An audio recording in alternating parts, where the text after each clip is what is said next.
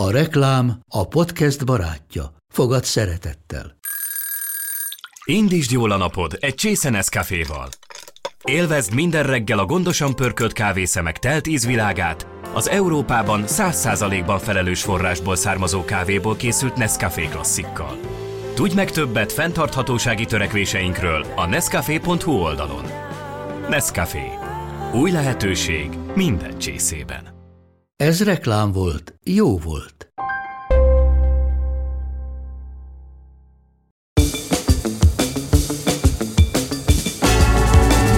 Ez az Időutazók Podcast a Dívány munkatársaival. Ha van fél órád, fejtsük meg együtt, valóban jobb volt-e régen, mint most. Kollégáimmal arról beszélgetünk, hogy a múlt milyen kapcsolatban áll a jelennel. Múltidézés, aktualitások, kultúra és sok-sok egyéni nézőpont a szerkesztőségünkből. Mi a különbség a celeb és a híres ember között? Ki volt az első magyar celeb? Miért foglalkoztat minket mások magánélete? Ebben az epizódban a plegykaészség történetéről beszélgetek kollégáimmal, Bálint Lilla irodalomterapeuta újságíróval és Kálmán Szonya vezetőszerkesztővel. Én Reiber Gabriella vagyok, a Dívány főszerkesztője. Ez az Időutazók Podcast. Sziasztok! Szia, Gabi! Sziasztok! Szonya, hogy jutottunk el oda, hogy most már frusztrációkat, illetve ellenérzéseket is szülhet bennünk, hogy mondhatni elszaporodtak a celebek a kultúránkban? Talán ennek részben lehet az is oka, hogy az értéket próbáljuk azért keresni valakiben, aki eljutott valahova.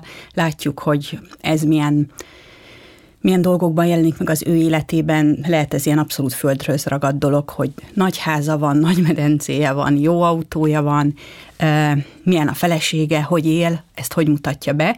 Hogyha emögött látjuk a munkát, akkor szerintem az egy megnyugtatóbb dolog a saját életünkre nézve is, mert azt gondoljuk, hogy ha mi keményen dolgozunk, akkor lehet, hogy nem ezen a szinten, de azért mi is el tudunk valamit érni. Míg hogyha azt látjuk, hogy igazából nem tudjuk, hogy ez az egész miért született meg, miközben egyébként lehet, hogy teljesen egyszerű az, hogy miért született meg, mert a celebre, mint reklámfelületre van voltak éppen szüksége, akár egy tévécsatornának, akár bár bármilyen más médiumnak, mert szeretnék, hogy ő képviseljen valamit, ami nagyon sok emberhez eljut, hiszen ő celeb.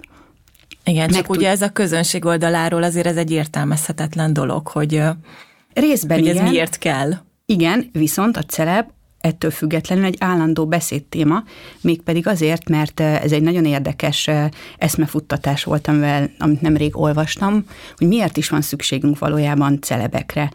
Amíg az ember egy falusi kis környezetben ér, akkor ott megvan az a néhány ember, akit a nénik a szájukra vesznek azért, mert kikapósabban élnek, azért, mert máshogy élnek, vagy mondjuk manapság azért, mert felnyiratja valaki a haját, és azt a falu népe fura szemmel nézi. Nekem nagyon furcsa volt tőzsgyökeres budapestiként először azt hallani egy ismerősömtől, hogy ha ő nem ott élne, ahol kisebb magyar város, akkor mi mindent megcsinálhatna. De ebben ilyenek voltak, hogy milyen színű lenne a haja, vagy hogyan öltözködne.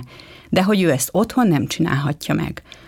A nagyvárosban nem figyeljük egymást ilyen árgus szemmel, tehát itt az nem probléma, hogyha fel van valakinek nyírva a haja, mert lehet, hogy a közértben majd egy-két néni ránéz, de hát ez őt nem érdekli, mert utána kijön a közértből, és ennyi.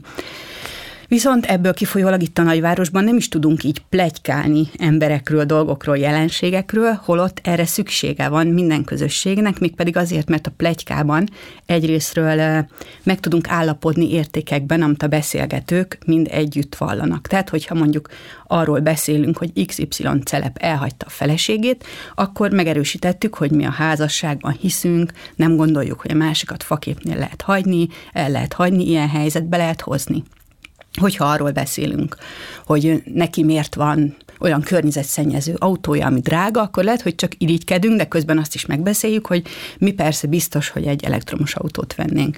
Tehát, hogy így tudunk egy közös alapot teremteni, illetve amikor állunk a postán és várakozunk, mert nagy a sor, és be kell fizetnünk a csekket, és szóba elegyedünk valakivel, akkor ott inkább ezekről a dolgokról beszélgetünk, mint a saját magánéletünk témáiról, ott el fognak kezdeni beszélgetni az időjárásról és rengeteget, magyaroknál talán, bár mostanában lehet, hogy mi is inkább erről beszélgetünk, de a celebekhez nagyon biztonságos nyúlni, ott egyrészt lehet egy ilyen közös alapot létrehozni, másrészt pedig el lehet tölteni úgy az időt, hogy ez igazából nem problémás, hogy miről beszélünk, mert semmilyen sebezhető felületet nem nyitunk meg magunkon. Hű, Szonya, nagyon sok témát érintettél, de mielőtt még jobban belemennénk a sűrűjébe, tisztázzuk, ki a sztár és ki a celeb. Sztár az azért egy tartalommal megtöltöttebb kifejezés volt kezdetektől fogva, ahogyan ma is még, hogyha valaki nem is futballrajongó, nem követ figyelemmel valamilyen színészt és az ő karrierjét, de azt mondjuk tudja, hogy a Cristiano Ronaldo ő nem egy celeb, hanem egy futballsztár, és ugyanígy tudja, hogy Robert De Niro szintén nem celeb, eh, vagy akár Tom Holland sem celeb, hanem ők sztárok. A celebeknél ugyanakkor nem igazán tudjuk talán felidézni egyáltalán azt, hogy ők mikor és hogyan emelkedtek ki a tömegből, miért is ismerjük őket, vagy miért vannak a nevükkel tele a hírek. Tehát őket voltak éppen a tömegmédia, a bulvármédia kreálta, mint eh, híres, ismert embereket. Tehát azt tudjuk például, Lilla, hogy a celeb szót azt mióta használjuk? Hát az angol száz sajtóban a sztár és a celeb gyakorlatilag szinonimái egymásnak. Ugye a celeb az a latin celebritásból rövidült le, ennek a jelentése az, hogy jó hírnév, renomé. Az angolban nincsen ez a minőségi megkülönböztetés. Igazából a 20-as, 30-as évekre tehető az, amikor ugye a bulvár sajtó beindulásával a hollywoodi filmiparnak a beindulásával gyakorlatilag szükség lett arra, hogy sztárok és celebek jöjjenek úgymond létre, azért, hogy a fogyasztást serkentség. Tehát végül is a média hívta életre ezt a jelenséget, de egy picit, hogyha ö, visszanézzünk korábbra, és egyáltalán azon elgondolkodunk, hogy miért ö, akar egyáltalán valaki ismert lenni. Ide behoznám a halhatatlanság iránti vágyat, ami egy ősi emberi vágy. Tehát már teszem azt három ezer évvel ezelőtt is, ugye Gilgames is arra vágyott, hogy halhatatlan legyen, vagy az ókori görögöknél, ugye Achilleus életében is az volt a kérdés, hogy miért többet a rövid, de dicsőséges élet, vagy a hosszú, ám de eseménytelen.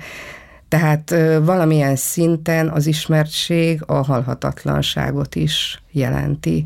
És itt még egy érdekes gondolatot vetnék fel, tehát a sztár az ugye azt jelenti magyarul, hogy csillag, tehát gyakorlatilag a kozmoszba emeljük azokat, akiket sztároknak tartunk. A celeb valóban ö, magyarul kifejezetten egy ilyen földhöz ragadt kategória, aki azért híres, mert híres.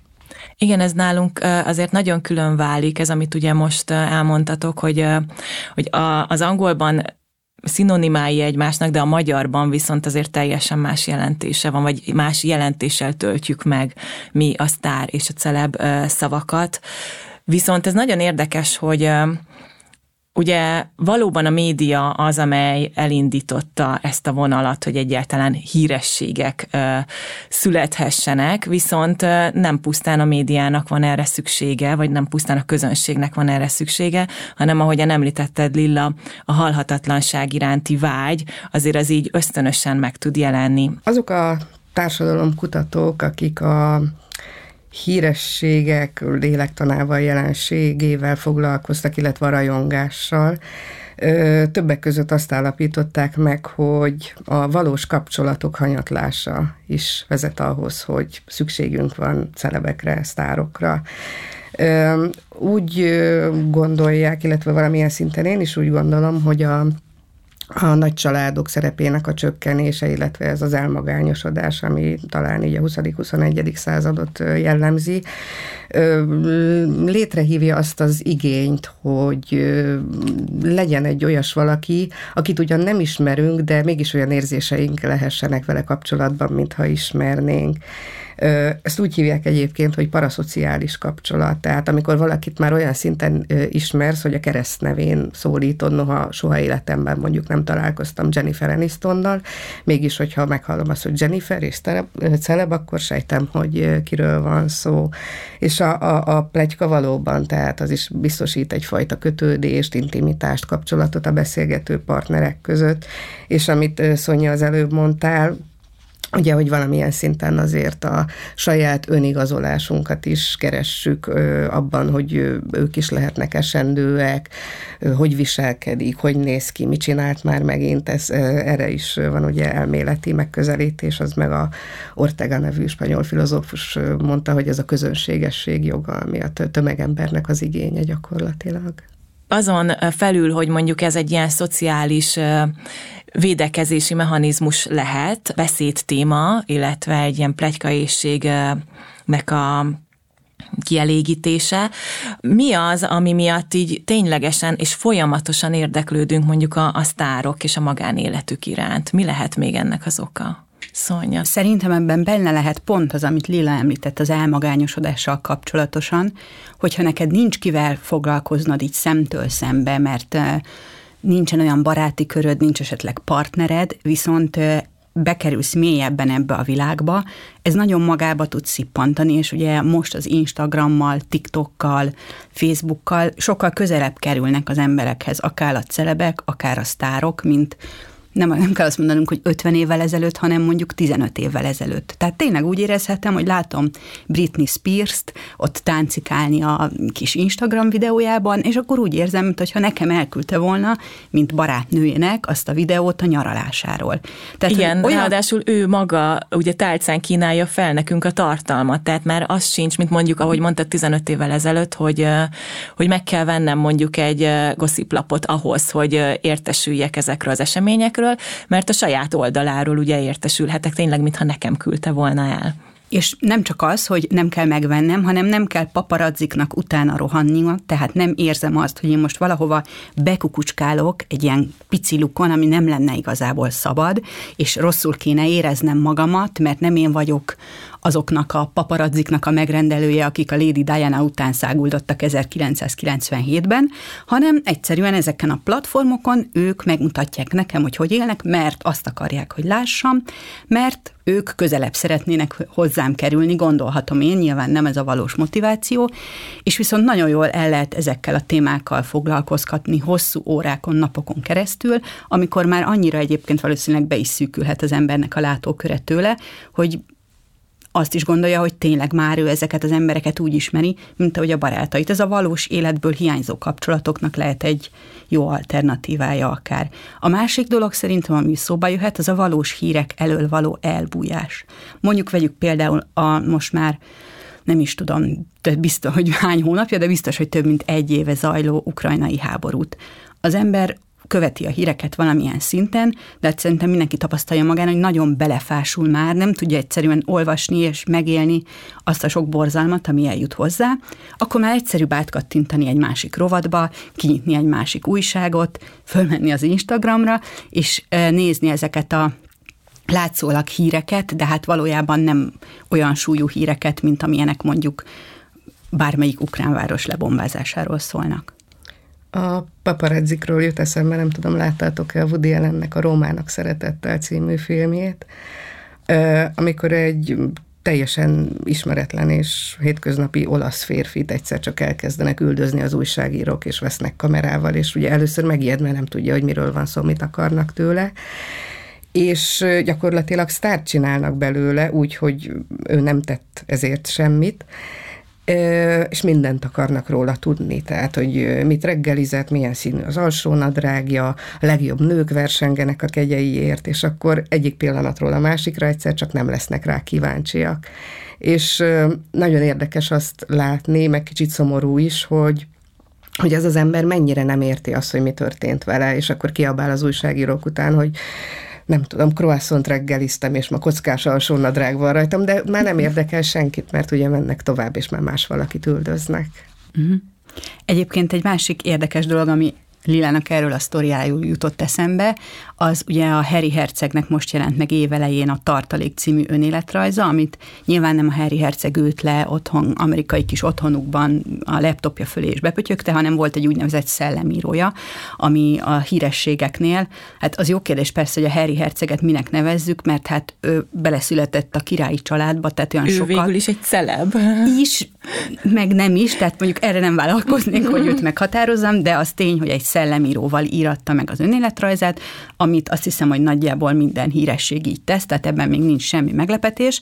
Az érdekesebb, hogy most megszólalt az ő szellemírója, aki elmondta, hogy miután megjelent a könyv, hogyan vetült gyakorlatilag rá a Harry Hercegre korábban irányuló figyelemnek egy komoly része, és hogyan kezdték el őt szétszedni, hogy mivel foglalkozott eddig, mennyit kért ezért, ő nem kérhetett volna ennyit ezért, és azt élte meg, nyilván nem teljes mértékben azt, de mégis valami nagyon hasonlót, amit a Harry Herceg megélt, ezen keresztül átérezte azt, hogy ez miért lehet egyébként elviselhetetlen is időnként. Tehát azért biztos nem mindig jó a paparazzik és a celebek felé irányuló figyelem szempontjából sem celebnek lenni, de az is fontos információ azért szerintem ezzel kapcsolatban, hogy általában ezek az emberek maguk választják azt, hogy ők ezt az életet fogják élni. Celebet azért úgy teljesen akarata ellenére a Woody Allen film kivételével nem nagyon csinálnak az emberből, hanem ez egy konszenzusos dolog. Igen, viszont ilyen szempontból azért talán egy kicsit jobb a helyzet most, hogy saját maguk is tudják a, a tartalmat gyártani a saját oldalaikra. Ugye ezáltal visszaszorultak a, a, paparazz, a paparazzoknak a mennyisége talán kicsit kevesebb, és kontrollálhatóbbá vált az, hogy mi az az info, amit mondjuk át szeretnél adni magadról celebként vagy sztárként a nagy közönség számára. De hogyan volt ez száz évvel ezelőtt? Száz évvel ezelőtt egyébként érdekelte a nyilvánosság, érdekelte azt szerintem már így, igen, leszögezhetjük, hogy érdekelte a nyilvánosságot mondjuk egy híres színésznőnek a, a magánélete, de hogyan zajlott ez a mindennapokban, Lilla? Kifejezetten érdekelte akkor is az olvasókat a színésznők és egyéb sztárok magánélete. Hoztam ide néhány újságot, a színházi életebben nagyon szépen nyomon lehet követni, hogy igazából milyen témák voltak azok. Olyan nagy változatosság egyébként nincsen, tehát gyakorlatilag ugyanúgy meghívták az otthonukba az újságírót, ö, sztorikat meséltek magukról. Mondanám itt például a mm, Gál Franciska esetét, akiről írtam is a díványon, aki Hitler és Stálin is rajongott ezért a már, már majd, hogy nem elfeledett magyar színésznőért. Ugye ő, ő kiment Amerikába, és ott a szobalányát faggatta ki a színházi élet, hogy hogy zajlik az élete. Akkor a szobalány elmondta, hogy mit reggelizik, mit vacsorázik, túrót ananásszal egyébként, mm-hmm. és hogy milyen testgyakorlatokat végez, hogy formában tartsa magát. Vagy említhetném Türk Bertát, aki a pikáns dalairól volt híres a század előn, illetve arról, hogy egy féltékeny feleség kutyakorbáccsal kergette meg a nyílt utcán, és ezt szépen lehozta, azt hiszem, a Pesti hírlap a tízes években.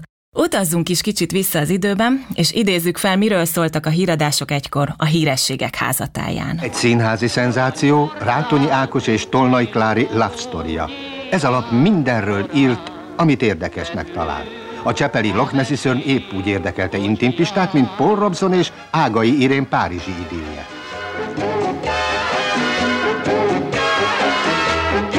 És persze a filmsztárokról is sok szó esett. Ebben a labban az isteni Garbó, vagy a szívtipró Clark Gable állandó vendég volt. Bajor Gizi, mint kisfaludi Strobel modellje.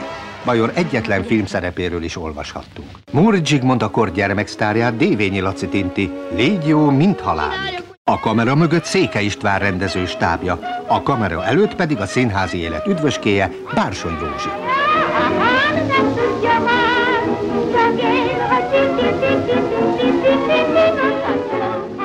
Bánki Vilmát is említhetnénk, aki amikor Amerikába érkezett, egy komplet reklámkampány vezette be őt az amerikai közönséghez. Továbbá, igen, tehát a, az ő világra szóló esküvőjének a kelengyéjét egy öt órai tea keretében mutatták be. Tehát kicsit más formában, de ugyanúgy vájkáltak akkor is a, a színészek, színésznők magánéletében. Valószínűleg konszenzusos volt ez a dolog, tehát ők is beleegyeztek. Igen, valószínűleg már akkor felismerték, hogy az ő hírnevük életben maradásához ez szükséges, hogy, hogy mondjuk megosszák a túrót ananásszal, illetve az esküvőjüknek a, a tényét így a nagy közönséggel, és ugye nagyon érdekes azért, hogy a, az egyszerű ember ettől közelebbinek, vagy emberibbnek érzi a nagy színésznőt, illetve a nagy sztárt magához. Ugye itt van még egy ilyen érdekes jelenség, hogy amikor Nyári Krisztián évekkel ezelőtt elindította a könyvsorozatát, ahol híres íróink, költőink magánéletét is hát a nagy közönség számára mondhatni nyilvánossá tette ugye régi levelezések, illetve dokumentumok alapján, és ez egy ilyen iszonyatosan sikeres sorozat lett. Mm, ennek miben látod az okát, Lilla, hogy hogy e, ennek is, ők azért nem úgy sztárok, tehát mondjuk egy, egy író vagy egy költő az egészen mást jelentett nekünk eddig, alapvetően mondjuk egy hétköznapi ember a tankönyveiben találkozik vele először, jó esetben utána mondjuk a verses kötetekben is, illetve egyáltalán az írásaikban. Én azt gondolom, hogy igazából azért érdekel minket még ma is az írók, költők magánélete, mert ahogy mondtad is, ezáltal kerülnek közelebb hozzánk, tehát ezáltal szállnak le arról a talapzatról vagy piedesztáról, ahová az oktatás vagy a hagyományok helyezték őket. És így rá lehet arra csodálkozni, hogy igen, ők is esendőek voltak, nekik is voltak magánéleti problémáik, szerelmeik, nehézségeik, azzal egy picit vitatkoznék, hogy nem voltak, vagy nem lehettek sztárok, mert eszembe jut egy anekdota, ami egy Karinti Frigyes által írott tárcanovella, ha jól emlékszem, ami arról szól, hogy Karinti utazik a villamoson, és beleles a mellette ülőnek az újságjába, és látja, hogy ott Móra Ferencről írnak, és tudni kell, hogy Móra Ferenc akkoriban nem csak az írói munkássága miatt volt híres, hanem egyfajta sztár régész volt, akinek az ásatásairól gyakran hírtattak a lapok. De Karinti rosszul olvasta, és azt olvasta, hogy film készül Móra Ferenc ásításaiból. és akkor így elgondolkozott, hogy hát igen, hát ez a Móra, ez nagyon ismert ember, és nagyon érdeklődnek iránta, hát ásítása, igen, tehát abból is lehet és akkor még egyszer még az elolvasta, is érdekes. igen, és akkor látta, hogy az ás hatásaiból terveznek filmet forgatni, de maga a tény, hogy egyáltalán ez fölmerülhetett benne, hogy az ásításairól film készül, ez mutatja, hogy azért ő egy széleskörű érdeklődésre számot tarthatott és egy bulvárlap szerzőjének milyen volt a munkája, Szonya, mit gondolsz erről? Volt ennek köze mondjuk a mai szerkesztői újságírói munkához?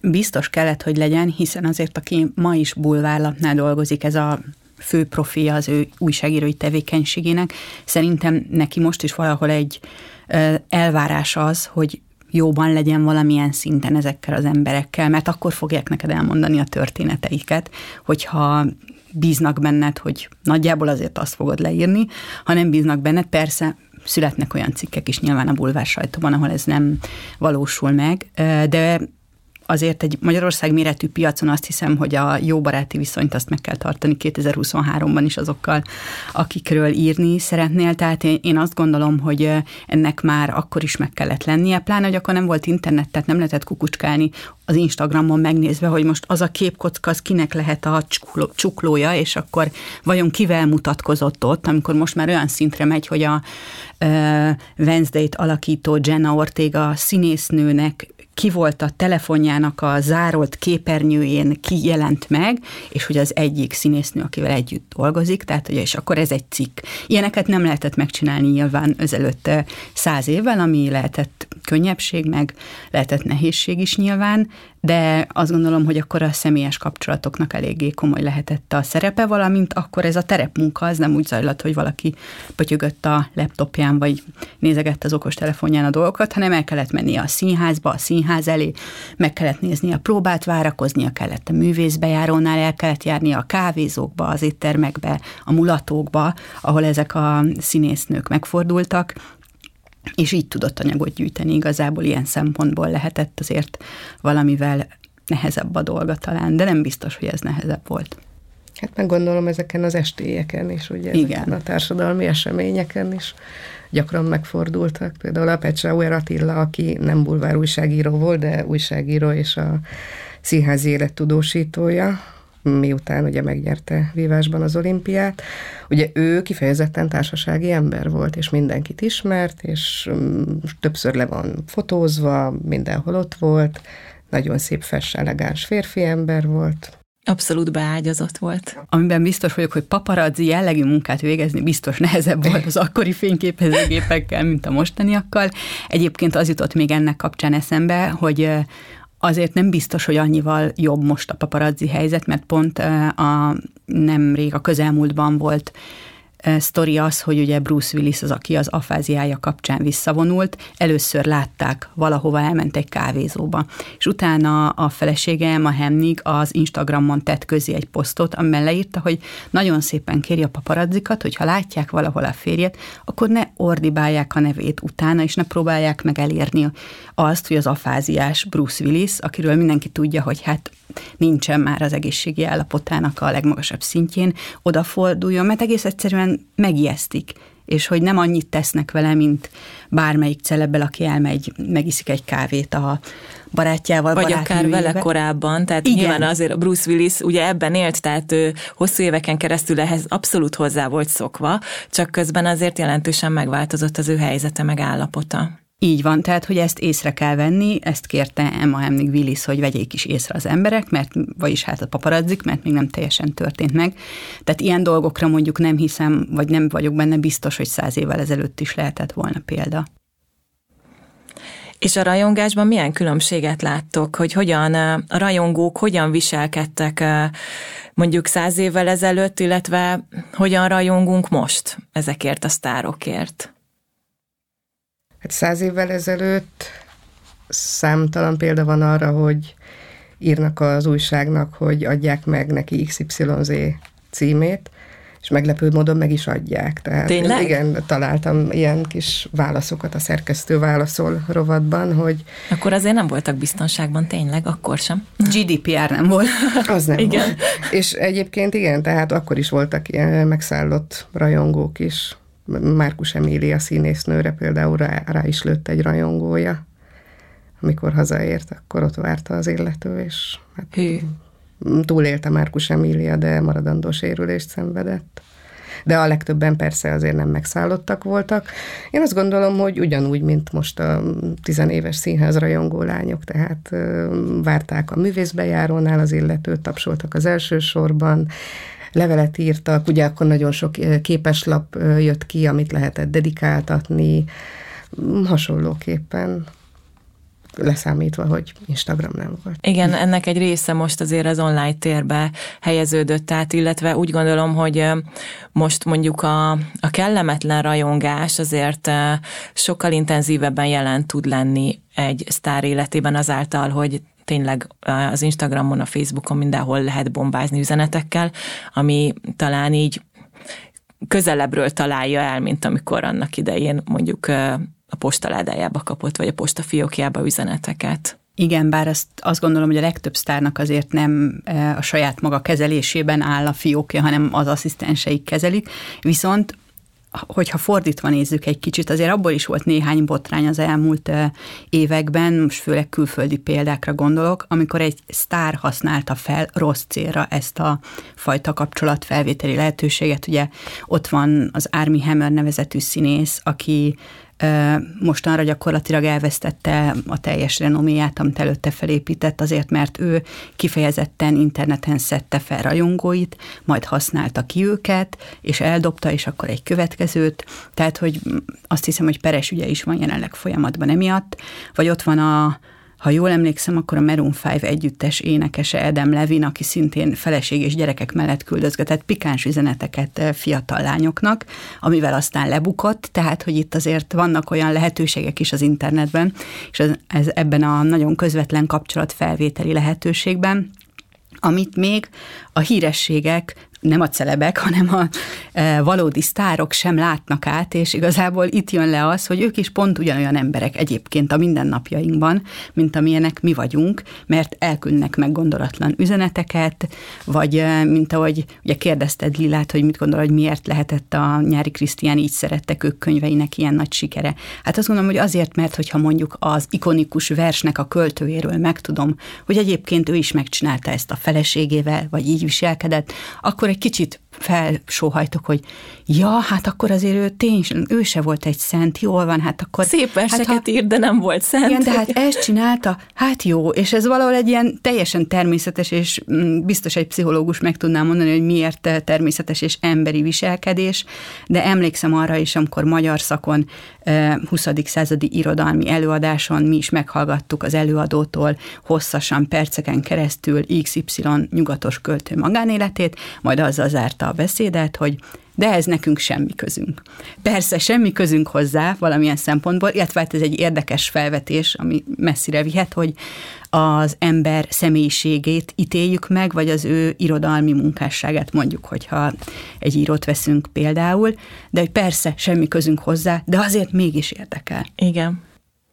Azért ezeken az előadásokon ültek a legtöbben egyébként, ahol mondjuk ilyen plusz információkhoz is lehetett jutni, vagy egy kicsit közelebb hozták az írókat. Én legalábbis így tapasztaltam a magyar szakom. Hogyan szólítja meg ma a közönségét egy híresség? Most itt nem a, az Edem Levines esetre gondolok. Egyébként azért annyiban reagálnék még erre, hogy, hogy nekem ez elképesztő és kicsit hihetetlen, hogy, hogy ezt megmeri csinálni. Tehát én azt gondolnám, hogyha ennyire híres ember lennék, hogy tényleg minden mozdulatomat meg kell gondolni, és hogyha mondjuk ilyen üzeneteket írok úgy, hogy van feleségem, gyerekem, idegen lányok, maguknak, akkor az nyilvánvalóan nem marad titokban. Tehát ez is egy érdekes téma, hogy az ő valóság érzékelésük az mennyiben torzul attól, hogy, hogy ők híresek lettek, tehát hogy elveszítik ezt, hogy, hogy tulajdonképpen ők folyamatosan kamerák keresztüzében vannak. Biztosan, de az a másik fele szerintem, hogy ezt mindenki biztos tapasztalta már kicsiben a saját életében, hogy egyszerűen nem tudsz 0-24-ben a hét minden napján minden cselekedetet úgy kontrollálni, ahogyan te szeretnéd. Őnála itt, meg ki tudja, hogy még hol, de azt nem fogjuk soha megtudni, és igazából nem is kell ezt feltétlenül rá az ő személyére kihegyezni, de hogy annyira nem tudod, ez is a veszélye nyilván annak, hogyha valaki folyamatosan rivalda fényben él, ezért nem is biztos, hogy egyébként akár bármelyikünk vagy a hallgatók java cserélne egy ilyen emberrel, mert ezért ennek van komoly terhe is. Nem, nem tudunk tényleg úgy élni, hogy mindig azt is látjuk, hogy kívülről mi a helyes. Igen. Visszatérve egy kicsit arra, az előbb megkezdtem azt a gondolatot, hogy, hogy hogyan szólítja meg ma egy híresség a, a közönségét, amikor, amikor ezt jó célra használja, milyen lehetőségei vannak vannak azért erre ilyen nagyon jó példák szerintem. Tehát, hogyha egy kicsit, uh, itt, itt azért behoznék egy-két nevet. Mondjuk nekem az jut eszembe, hogy az, ahogyan uh, Lackfi János ugye költőként, íróként uh, bánik a közönségével az online oldalain, uh, az azért uh, elég példaértékű. Tehát ő egyébként közvetlenül kommunikál velük, velünk, akik ugye követjük, és és nem hiszem, hogy eh, bármiféle, tehát valószínűleg neki ez rengeteg munka, de nem gondolom, hogy bármi negatív hatása lenne ennek. Ez jó vagy rossz szerintetek, hogy ilyen közvetlenül meg tudja szólítani a közönségét, nem csak újságírókon keresztül mondjuk? Mondjuk abban biztos vagyok, hogy ő saját maga kezeli a fiókját, tehát ez száz százalék, és nyilván, ahogy te is mondtad, ebbe biztos rengeteg energia van, hogy eh, ő, mert nem elég az, hogy ott leír valamit, és akkor elkezdenek érkezni a kommentek, és azért neki is szép számmal jönnek a kommentek. Nyilván ez nem jelentene semmit, hogyha akkor ő azokra nem reagálna, plusz bizonyos esetekben nem moderálna, nem arra gondolok, hogy valakit kitilt, hanem reagál Elsimít egyébként ilyen. Igen, másfelé terel, megvilágít, hogy bizonyos dolgokon az, aki mondjuk most tévedt oda tök véletlenül, az ne kapjon már szívrohamot attól, hogy Laszkfi János Istenről ír, miközben aki követi, az pontosan tudja, hogy miért ír Lackvi János a Facebook oldalán Istenről hívő emberként. Tehát, hogy ez biztosan sok energiába kerül, viszont azt gondolom, hogy sokkal inkább elköteleződnek az ő irányába azok, akik ott őt olvassák, és kvázi napi vagy heti kapcsolatban vannak vele, az ő híreiről is jobban értesülnek, jobban megismerik a személyiségét is, ezáltal jobban tudnak hozzá kapcsolódni, és én még azt is megkockáztatnám, hogy inkább el fognak menni és megvesznek egy lackvi kötetet azért, mert úgy érzik, hogy tudnak mindent róla, hogy mióta készül az a könyv, mi lesz benne, mi foglalkoztatta a szerzőt akkor, amikor ezen dolgozott, és ez az ő szempontjából a nagyképet tekintve szerintem egy jó dolog. Igen, ezt én is így gondolom, illetve az, hogy egy-egy ilyen humoros kis megjegyzés, vagy átirat, tehát mondjuk az, hogy csiribiri csiribiri bojtorján, légy láb lép a főtt tarján. Ez jó mhm. arra, hogy mosolyogjunk egyet, és akkor hú, ki is írta ezt, jaj, és akkor tovább görgetjük az oldalt, és akkor találkozunk a komolyabb verseivel, és egy érdeklődés fölébred abban is, aki esetleg nem annyira az irodalom szerelmese. És nagyon érdekes, hogy attól függetlenül ugye megvesszük a kötetet, hogy azért találkozhatunk az írásaival az oldalain is. Nem rontja a saját Nem üzletét, rontja a saját igen. üzletét, így van. Másik remek példa erre szerintem Dragomán György, igen. aki időről időre közöl nem csak idézeteket vagy szövegrészleteket, hanem például recepteket is. És attól függetlenül, hogy olvassuk, teszem azt a paradicsomos lencseleves receptjét az oldalán, ami egyébként nagyon finom. Ez nem tart vissza attól, persze többször is, nem tart vissza attól, hogy megvásároljam akár a regényét, akár az említett szakácskönyvet. Igen. Kivel készítenétek ti interjút most? És kivel száz évvel ezelőttről. Most ugye elég sok lehetőségetek van, mivel, már mint hogy amúgy is újságíróként dolgoztok mind a ketten, de hogyha semmilyen megkötés nem lenne, nem determinálna mondjuk a, a műfaj, amiben írtok, akkor ki az a híresség, akivel interjút készítenétek, illetve ki az, akivel száz évvel ezelőtt interjút készítettetek volna? Szonya? Miközben befejezted a kérdést, közben megszületett bennem a kivel interjúznék mostra a válasz, a száz évvel ezelőttön lehet, hogy még gondolkoznom kell, és a híresség szó az érdekes ebben az esetben, mert nekem most Ferenc pápa jutott eszembe, nyilván nem kis részben a közelmúlt béli magyarországi látogatása kapcsán, illetve azért is, mert azért ő olyan egyházi vezető, akinek a neve benne van a hírekben folyamatosan, ő úgy sztárja végül is a katolikus egyháznak, hogyha lehet így fogalmazni, hogy a nem katolikusok véleményét is formálja valamelyest, és ráadásul ő volt az, aki megcsinálta azt, hogy tinédzserekkel leült, és egy dokumentumfilm erejéig elbeszélgetett vele. Az volt a feltétel, hogy akkor a tinédzserek is feltehessék azokat a kérdéseket, tehát hogy ők ne legyenek határok bármiről kérdezhessék, és nem csak katolikus, heteroszexuális, fehérbőrű tinédzserekkel ült le, hanem egy ilyen nagyon divers csoporttal, és azt gondolom, hogy a Ferenc pápa teljesen függetlenül attól, hogy ő most a katolikus egyház vezetője, egy iszonyatosan érdekes ember, aki azt gondolom, hogy, hogy bárkinek tud olyat mondani, amit úgy visz haza, hogy elgondolkodjon rajta. A száz évvel ezelőtthöz még kérek egy kis Jó, időt. azon még hagyunk neked gondolkodási időt, addig Lilla. Ö, igen, én meg pont azon gondolkodom erősen, hogy ma kivel készítenék interjút, mert száz évvel ezelőttről több példám is lenne. Én azt gondolom, hogy én vagy Lédával, vagy Csinszkával, vagy mind a kettejükkel készítenék interjút. Páros interjú. Páros interjút, bár ők soha nem ültek le egymással beszélgetni. Igazából Csinszka próbált nyitni Léda felé, de hát Léda nem volt hajlandó vele találkozni. És uh, igazából arra lennék kíváncsi, hogy ők hogyan uh, látják magukat Adi Endre életében, mennyiben mutat más képet róluk a vers, mint amilyenek valójában voltak, és úgy egyáltalán tehát mennyi ebből a legenda, mennyi a valóság, mennyi az adikultusz, ami ráépült az elmúlt száz év során, én azt gondolom, hogy lehet, hogy egy teljesen, illetve két teljesen más történetet ismernénk meg, mint ami a fejünkben van róluk. Igen, ezt én is valószínűnek tartom. Hát és meg lenne a headline is, hogy miért olvassa el az olvasó. Leültettük egy asztal mellé Lédát és Csinszkát. Hát ezt a színházi életnek se sikerült elérni, de...